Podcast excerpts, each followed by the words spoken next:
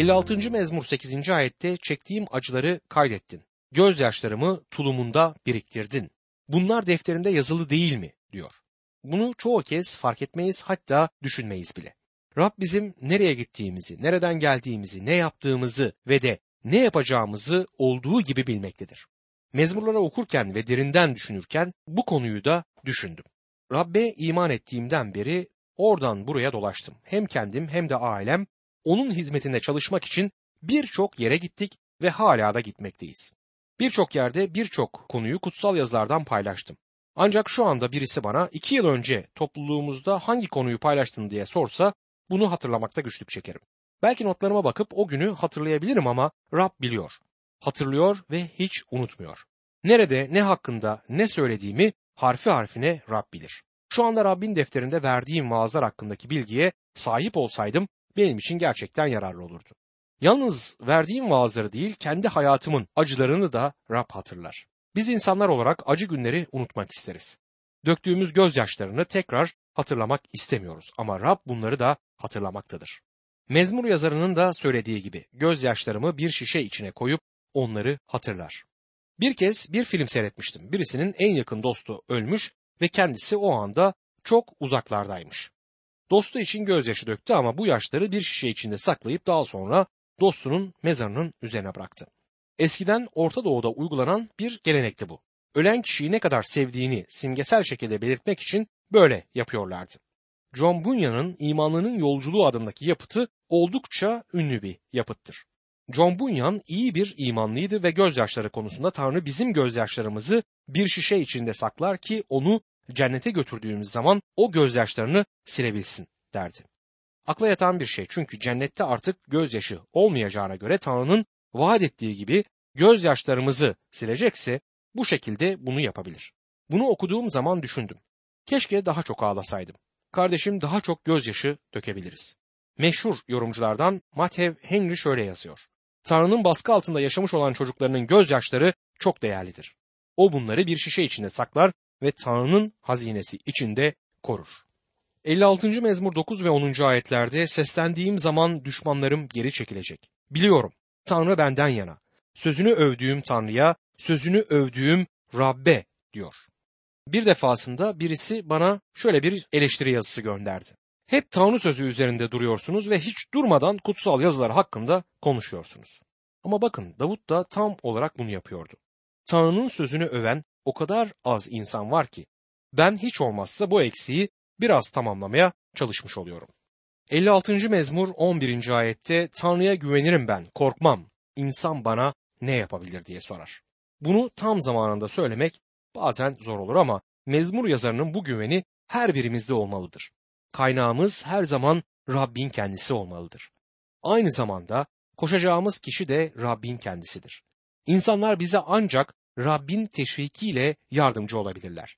Her durumda tüm güvenimizi Rab'be bağlamalıyız. 56. mezmur 13. ayette çünkü canımı ölümden kurtardın, ayaklarımı tökezlemekten korudun. İşte yaşam ışığında, Tanrı huzurunda yürüyorum der. Davut peygamber özellikle o büyük günahı işledikten sonra Tanrı önünde o şekilde yürümek isterim ki bir daha ayağım kaymasın diye kendi kendine söz verdi. Kutsal yazılara göre Davut'un ayağı bir daha kaymadı. Babil kralı Davut'un tek bir kez işlediği bu günahı belki de her gün işliyordu. Babil kralı için normal bir olaydı bu. Birisinin karısını elinden almak ve sonra adamı öldürmek Babil kralı için o kadar önemli bir mesele değildi. Ancak Davut'un hayatının bir parçası bu olamazdı. Davut ben Tanrı'nın önünde yürümek istiyorum diyor. Bugün biz Mesih imanları içinde aynı durum geçerlidir. Biz de Davut gibi günahı hayatımızın bir parçası yapamayız. Galatyalılar 5. bölüm 16. ayette şunu demek istiyorum. Kutsal ruhun yönetiminde yaşayın. O zaman benliğin tutkularını asla yerine getirmezsiniz diyor kutsal kitap. Tanrı bize bir bastondan daha iyi bir şey verdi. İçimizde sonsuza dek yaşaması için kutsal ruhunu verdi. Ruhta yürümek ne demektir? Tümüyle ve tüm varlığımızla ruhun yönlendirmesine kendimizi teslim etmek ve onun sağlayışı ile yaşamaktır. Bu şekilde yaşadığımız zaman tam pratik olarak bir iman hayatını yaşamış oluruz. Ayetler ezberlemek, teolojik tartışmalara girmek değil, kendi hayatımız konusunda kutsal ruhun bize gösterdiği yanlışları düzeltip Tanrı'yı hoşnut edebilecek bir hayat yaşamaktır. Ruhta nasıl yürüyebiliriz? Basitçe fiziksel yaşamda bebek yürümeyi nasıl öğrenirse biz de aynı şekilde ruhsal adımlar atmayı öğrenmeliyiz. Düşe kalka, hatalar yaparak ve hatalarımızdan öğrenerek yürümeyi öğreniriz. Bir kez düştük diye bir daha yürüyemeyeceğimizi sanmamalıyız. Düşeceğiz ama yine kalkacağız.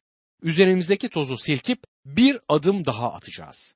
Neden düştüğümüzü umarım ki kutsal ruh bize öğretmiş olacaktır ve bu şekilde ruhta yürümeyi öğreneceğiz. Kendimizi tümüyle kutsal ruha teslim edelim.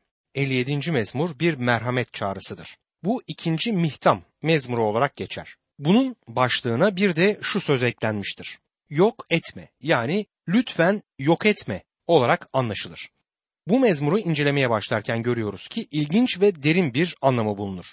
Başlığında müzik şefi için yok etme makamında Davut'un miktamı Saul'den kaçıp mağaraya sığındığı zaman yazıldır. Davut firar zamanında Ölüdeniz kıyıları yakınında Engedi yakınlarındaki mağaralarda saklandı. Bu bölge deniz seviyesinin altındadır ve yaz aylarında çok sıcak olur. Kışın çok hoş bir yerdir, dağlık bir bölgedir ve Adullam mağarası buradadır. Birçok yorumcunun inandığına göre bu mezmurda sözü edilen mağara Adullam mağarası olarak geçer. Davut bu mağarada uzun zaman geçirdi ve mezmurların birçoğunu da bu mağarada yazmıştır. Bu mezmurlarda görebiliyoruz ki Davut'un çektiği sıkıntılar ileride İsa Mesih'in çekeceği sıkıntıların sadece bir gölgesini oluşturur. Bunun ötesine de gidebiliriz ve son günlerde İsrail ulusunun çekeceği sıkıntılara ışık tuttuğunu da söyleyebiliriz. Unutmamalıyız ki bu mezmurlar aynı zamanda bugün bizlere de hitap etmektedir. Tanrı sözünün çok yönlü zenginliği zaten burada ortaya çıkar. 57. mezmur 1. ayet Acı bana ey Tanrı acı çünkü sana sığınıyorum. Felaket geçinceye kadar kanatlarının gölgesine sığınacağım der. Sizi bilmiyorum ama ben de Davut gibi Ya Rab lütfet bana merhamet et diye dua ediyorum. Rabbin bana merhamet göstermesini istiyorum. Onun benimle sadece doğru ve adil olmasını isteyemem. Aynı zamanda bana merhametli davranmasını da istiyorum.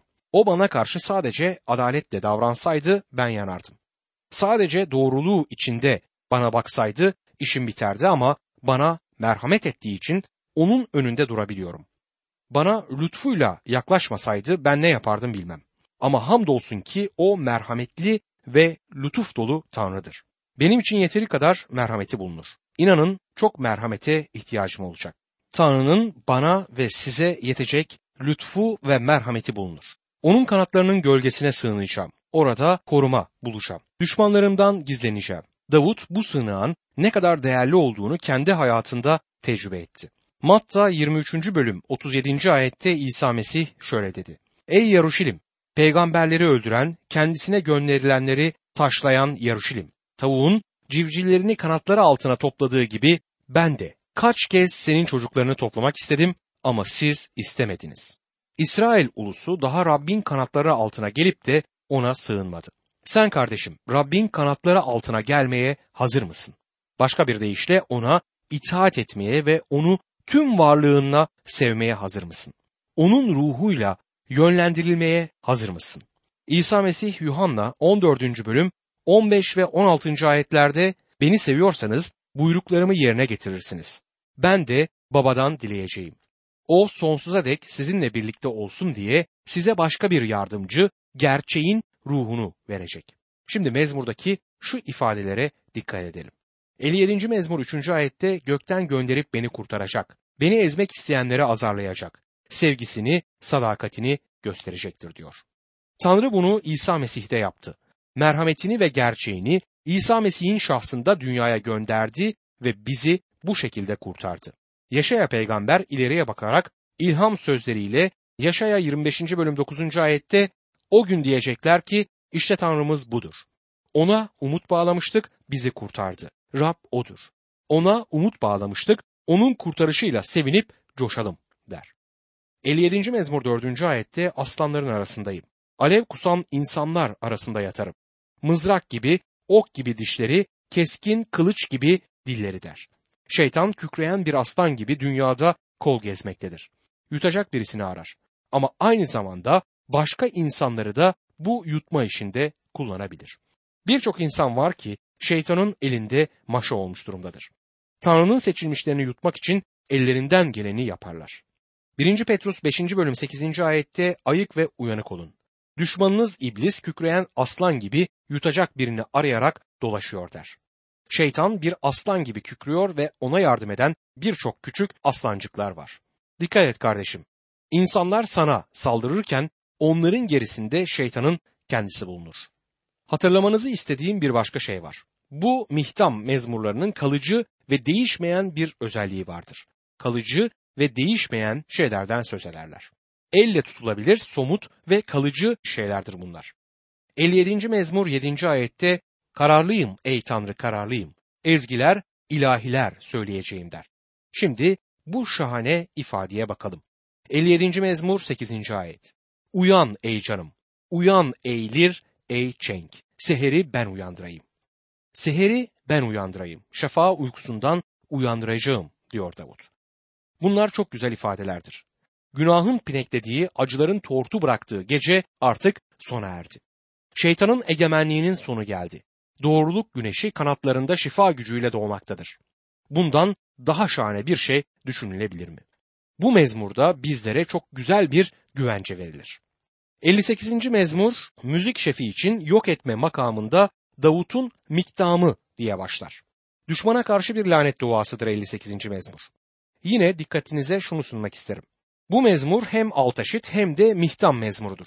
Yine burada kalıcı ve somut elle tutulabilen şeylerden söz edilmektedir. Bir anlamda da lütfen yok etme yalvarışını dile getirir.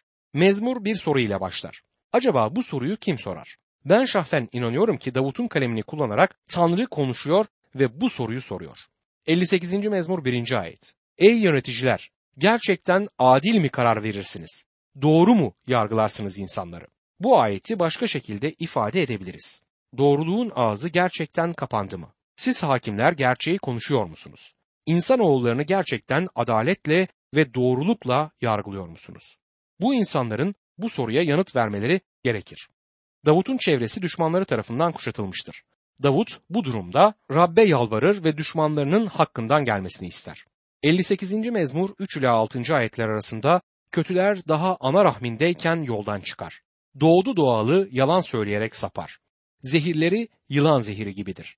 Kulakları tıkalı bir kobrayı andırırlar. Usta büyücülerin, efsuncuların sesini duymak istemeyen bir kobrayı. Ey Tanrı, kır onların ağzında dişlerini. Sök genç aslanların azı dişlerini ya Rab diyor. Bu mezmurda Davut düşmanlarının üzerine indirilmesi için altı tane yok edici yargı dilemektedir. Birincisi genç aslanların dişlerini kır der. Tanrı sözü düşmanımız iblis kükreyen bir aslan gibidir der. Bazıları bir Mesih imanlısının bu şekilde dua etmemesi gerekir der. Ben buna katılmıyorum. Düşman iblis olduğuna göre bu şekilde dua edebiliriz. Umarım ve dua ederim ki Rab onun dişlerini kıracaktır. Bu şekilde dua etmekle Mesih imanlısına yakışmayan bir şey yaptığımı da hiç sanmıyorum. Davut düşmanlarından söz etmez. Davut lütuf döneminde değil yasa altında yaşamaktadır. Bu durumda Rab'den adalet ister. Şimdi bir başka deyim kullanacaktır. 7. ayette. Akıp giden su gibi yok olsunlar. Yaylarını gelince oklarının ucu kırılsın. Yani ikinci dilediği şey kötülük bir sel gibi taştı. Bu kötülüğün sel sularının çekildiği gibi çekilmesini ister ve bunun için dua eder. Üçüncüsü ise oklarını fırlatmak için yayını gerdiği zaman okları paramparça olsun isteğidir. Burada yine dikkate değer bir resim bizlere verilir. Düşman yayını gelmiş, bize nişan almış, vurmaya hazır bir okçu gibi betimlenir. Efesliler 6. bölümde bu oklara karşı iman kalkanını kaldırmamız teşvik edilir. 58. mezmur 8. ayette süründükçe eriyen sümüklü böceğe dönsünler. Düşük çocuk gibi güneş yüzü görmesinler diyor. Eriyip giden bir salyangoz gibi her biri o şekilde yok olup gitsin diyor. Orta Doğu'da bir çeşit kabuksuz salyangoz vardır. Buna bazen sümüklü böcek de denir. Bu böcek güneş altında uzun süre kalırsa eriyip gider. Bazen de üzerine tuz atılırsa böcek hemen erir ve bir yığın sıvı haline gelir. Davut düşman yaldızlı bir iz bırakır ama sen onu buhar et ya Rab, onun izini bile bırakma diye yakarıyor. Beşinci olarak kötü düşüncelerinin gelişmekte olduğu o rahimden bu düşünceler gerçekleşmeden yok olsunlar diye yakarır. Bunların hepsi de bir hiçle sonuçlansın der. 58. mezmur 9. ayette kazanlarınız diken ateşini daha duymadan, yaşı da kurusu da kasırgayla savrulacak kötülerin diyor. Yani altıncı olarak yemek pişirilirken çalı çırpı toplanır ve bunlar tencerenin altına yerleştirilip yakılırdı. Bu çalıların dikenleri ocağa yerleştirilen tencereye değmeden önce rüzgar onları alıp götürsün diye dua eder. Bir başka deyişle daha ateş yakılmadan önce bu çalıların tencereden uzaklaştırılması için dua eder. Davut diyor ki Rab lütfen bu insanlar kötülüklerini gerçekleştirmeye başlamadan önce onları alıp götür. Bir zarar vermeden önce, birilerini yakmadan önce onları nefesinle söndür, alıp götür. 59. mezmurda Tanrı'nın halkının düşmanlar tarafından sarıldığını görürüz. Bu mezmur iki önceki mezmur ile yakından bağlantılıdır. Aynı zamanda Davut'un yazdığı diğer mezmurlarda olduğu gibi yok etmemekle ilgili düşünceleri dile getirir. Bu mezmurda yine Davut peygamberi düşmanlarının ablukası altında görmekteyiz. Peygamberlik açısından bakıldığı zaman bunu büyük sıkıntı döneminde İsrail'in geri kalanlarının düşmanlarınca ablukaya alınışı olarak algılamamız gerekir. Tarihçesine bakılacak olursa yine Davut peygamberin Kral Saul tarafından nasıl kovalandığını görebiliriz. 1. Samuel 19. bölümde bu mezmurda geçen olayları okuyabiliriz. Kral Saul Davut'un kaldığı eve adamlar gönderip onu gözetler. Amacı fırsat bulunca Davut'u öldürtmekti. Davut Rabbe 59. mezmur 1 ila 3. ayetler arasında şöyle haykırır. Kurtar beni düşmanlarımdan ey Tanrım, kalem ol hasımlarıma karşı. Kurtar beni suç işleyenlerden. Uzak tut kanlı katillerden. Bak canımı almak için pusu kuruyorlar. Güçlüler bana karşı, birleşiyorlar. Oysa baş kaldırmadım, günahım yok ya Rab. Davut peygamber diğer mezmurlarda olduğu gibi önce çaresiz durumunu Rabbe bildirir. Ama hemen bunun ardından Rabbe olan güvenini dile getirir. Rab onu kurtarabilecek güçtedir ve bunu bu mezmurda belirtir. 59. mezmur 16 ve 17. ayetlerde bense gücün için sabah ezgiler söyleyecek, sevgini sevinçle dile getireceğim. Çünkü sen bana kale, sıkıntılı günümde sığınak oldun. Gücüm sensin, seni ilahilerle öveceğim. Çünkü kalem, beni seven Tanrı sensin diyor. Bu olayların nasıl geliştiğini kardeşim öğrenmek isterseniz 1. Samuel kitabında yazılanları okumanızı öneririm. Rab Davut peygamberi o çaresiz durumundan kurtardı. Peki senin durumun ne olacak? Sen de Rabbe Davut gibi yalvardın mı? Sen Rabbe ait sen onun kanı pahasına satın alınmışsan ve yeni hayata sahipsen Rab seni terk etmeyecektir. İlerideki yıllara kutsal kitapta belirtilen peygamberlik gözüyle bakarsak göreceğiz ki orada da İsrail'den bir kısım insan kurtulacaktır. İsa Mesih'in kendisi ikinci kez gelecek ve onun adına iman etmiş olan Yahudileri de kurtaracaktır. O zaman tüm ulusları yargılayacaktır. Umarım ki seninle Rab arasındaki hesap görülmüştür. Yani Rab İsa Mesih'te sen bağışlanmışsındır. Bu hesap görülmemişse kardeşim senin geleceğe bakışın çok ciddi olmalıdır. Çünkü uluslar ve Rabbe iman etmemiş olanlar yargılanacaktır. Şimdi 59. mezmurdan 60. mezmura geçelim. Daha önceki mezmurlarda da bu zafer naralarını duyduk. Mezmur Davut peygamberin kendi düşmanları üzerinde kazandığı zaferi dile getirir. Düşmanı bu kez Edomlulardı. Bu olayda Edomlular tam anlamıyla yenilgiye uğrayıp bir daha baş kaldıramamışlardı. Yine peygamberlik gözlüklerini takarsak geleceğe bakarız. Orada bu mezmurda elimize verilecek mercek sayesinde Tanrı'nın kendi halkına getireceği kurtuluşu görebiliriz. 60. mezmur 1. ayeti dinleyelim. Bizi reddettin. Parladın bize karşı ey Tanrı. Öfkelendin, eski halimize döndür bizi diyor. Şimdi Tanrı bu yalvarışa 60. mezmur 6. ayette bakın nasıl karşılık verir. Tanrı şöyle konuştu kutsal yerinde.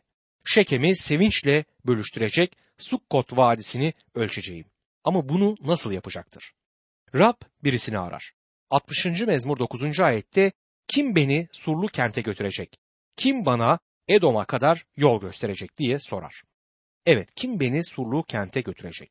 Kim bana Edom'a kadar yol gösterecek diyor. Şimdi bunun cevabına dikkat edelim. 60. mezmur 10. ayette ey Tanrı sen bizi reddetmedin mi? Ordularımıza öncülük etmiyor musun artık der.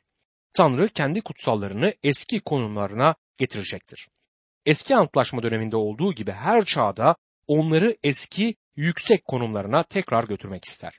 Onların durumu ne olursa olsun, ne kadar zor olursa olsun, ne kadar günaha düşmüş olsalar bile onları kurtaracaktır ve eski hallerine getirecektir. Bu insanlar için bundan daha güzel bir vaat düşünülemez. 61. mezmurun başında müzik şefi için telli sazlarla Davut'un mezmuru yazar. 61. mezmurun konusu Tanrı'yı tanıyan insanın güveni ve yakarışıdır. Şimdi yeni bir mezmur dizisine geldik. Bu dizideki konu Tanrı'yı tanıyan kişilerin Rabbe olan güvenleri ve yakarışlarıdır. Bu dizi 61. mezmurdan başlayarak 68. mezmura kadar devam eder. Bu 8 mezmurda Tanrı'yı tanıyan kişilerin yakarışlarını okurken onların tüm yalvarışları içinde Rabbe ne kadar güvendikleri sergilenir. Aynı zamanda bu mezmurda Rab İsa Mesih'i de görürüz. Mezmurlar bize hitap ettiğine göre güncel yaşamlarımız konusunda da bize yardımcı bilgiler ve öğütler verecektir. 61. mezmurun başlığı müzik şefi için telli sazlarla Davut'un mezmurudur. Telli müzik aletleriyle eşlik eden bir mezmurdur bu. Sazla olduğu kadar gitarla da eşlik edilebilir ancak coşkulu bir melodiyle değil daha ağır başlı bir melodiyle çalındığı bellidir. Davut'un yüreğinin derinliklerinden kopup yükselen bir duadır bu. Çoğu kez bizim dualarımız yüzeysel kalıyor ama Davut gibi zorlandığımız anlarda da eminim ki yüreğimizden buna benzer dualar yükselecektir. Genelde dualarımızda ne yapıyoruz? Sanki süpermarketten eşya alıyormuş gibi bir liste yapıyoruz ve Rab şunu isterim, Rab bana şunu ver, Rab lütfen bu işimi hallet gibi dualarla Rab'be yaklaşıyoruz. Bence duadaki bu yaklaşımımız dua ruhunu yok etmektedir. Evet dua toplantıları düzenli olmalı, organize edilmeli ve bir önderlik içerisinde düzenli bir sistem içerisinde yapılmalıdır ama bunlar asla dua ruhunu öldürmemelidir. Dualarımız her zaman yürekten gelmelidir. Bunu söylemekte haklıyım sanırım. Bugün dua toplantılarında buna benzer yürekten kopan duaları ne yazık ki çok nadir işitiyoruz. Davut'un bu duası bize örnek olmalıdır. 61. mezmur 1 ve 2. ayetlerde Ey Tanrı yakarışımı işit, duama kulak ver. Sana seslenirim. Yeryüzünün öbür ucundan, yüreğime hüzün çökünce. Erişemeyeceğim yüksek bir kayaya çıkar beni diyor. Aslında Davut ne der? Dünyanın ucundan sana sesleniyorum. Bazen biz de dualarımızda böyle hissederiz. Sanki biz dua ederken Rab milyonlarca kilometre uzaktaymış gibi bize gelir. Davut böyle hisseder Rab'be yakarırken. Sanki kendisi dünyanın bir ucunda, Rab ise dünyanın öbür ucundadır. Rab'be yaklaşmaya çalışıyor ya da Rabbin ona yaklaşmasını bekliyor. Kendisinden daha yükseklerde olan o kayaya ulaşmak istiyor. Tanrı sözü bana o kayanın İsa Mesih olduğunu 1. Korintliler 10. bölüm 4. ayette söyler. İnan kardeşim o kaya benden çok ama çok yükseklerdedir. Bu mezmurda Rab İsa Mesih'in muhteşem bir resmi bize sunulur. 61. mezmur 3. ayette çünkü sen benim için sığınak, düşmana karşı güçlü bir kule oldun der. Tanrı'ya bu şekilde bakarsak, onu sığınağımız olarak görürsek bu bizim için büyük bir teselli kaynağı olacaktır. Fırtına da sığınabileceğimiz yerdir. O güçlü ve yüksek kulemizdir. Bizi tüm düşmanlarımızdan koruyabilecek güçte ve yüksekliktedir. 61. mezmur 4. ayette çadırında sonsuza dek oturmak ve kanatlarının gölgesine sığınmak isterim der. Bakın bir kez daha Tanrı ile bağlantılı olarak kanat sözcüğü kullanılır burada. Rab İsa bu deyimi Yaruşilim ile bağlantılı şekilde kullandı. Yaruşilim'i kanatları altına alıp korumak istedi ama onlar buna yanaşmadılar. Bir tavuğun civcivlerini korumak için kanatlarının altına aldığı gibi Rab İsa da Yaruşilim halkını yani İsrail'i kanatları altına alıp korumak istemişti. 61. mezmur 5. ayette çünkü sen ey Tanrı adaklarımı duydun adından korkanların mirasını bana verdin diyor. Davut Rab'be vaatlerde bulundu. Bir şeyler yapacağını söyledi. Biz genelde Rab'den sürekli bir şeyler istiyoruz. Acaba ona bir şey yapacağınız konusunda vaatte bulunuyor musunuz? Ben pek çok şey için vaat ettim ama hepsini yerine getiremedim. Bunun bilincindeyim. Sen kardeşim sürekli Rabbin önüne gidip ondan bir şey istersin. Hadi bir değişiklik yap. Onun için bir şey yapacağına dair bir vaatte bulun. Belki bir günahından, bir alışkanlığından vazgeçmek için ona geleceğini vaat et. Davut bir vaatte bulundu ve Tanrı onun duasını yanıtladı. 61. mezmur 6 ve 7. ayetlerde kralın günlerine gün kat. Yüzyılları yüzyıllar olsun. Tanrı'nın huzurunda sonsuza dek tahtında otursun. Onu sevgi ve sadakatinle koru diyor. Mezmur yazarının merhamete ne kadar ihtiyacı var değil mi? Yine merhamet ister. Ben inanıyorum ki Rabbe ne kadar yaklaşırsak merhamete o kadar daha çok ihtiyacımız olduğunu görürüz. Ona yaklaştıkça görürüz ki onu kendi seviyemize indiremeyiz. Rabbe yaklaştıkça göreceğiz ki o bizden çok yüksektedir. O zaman biz de Yaşaya peygamberin seviyesinde kendimizi hissederiz.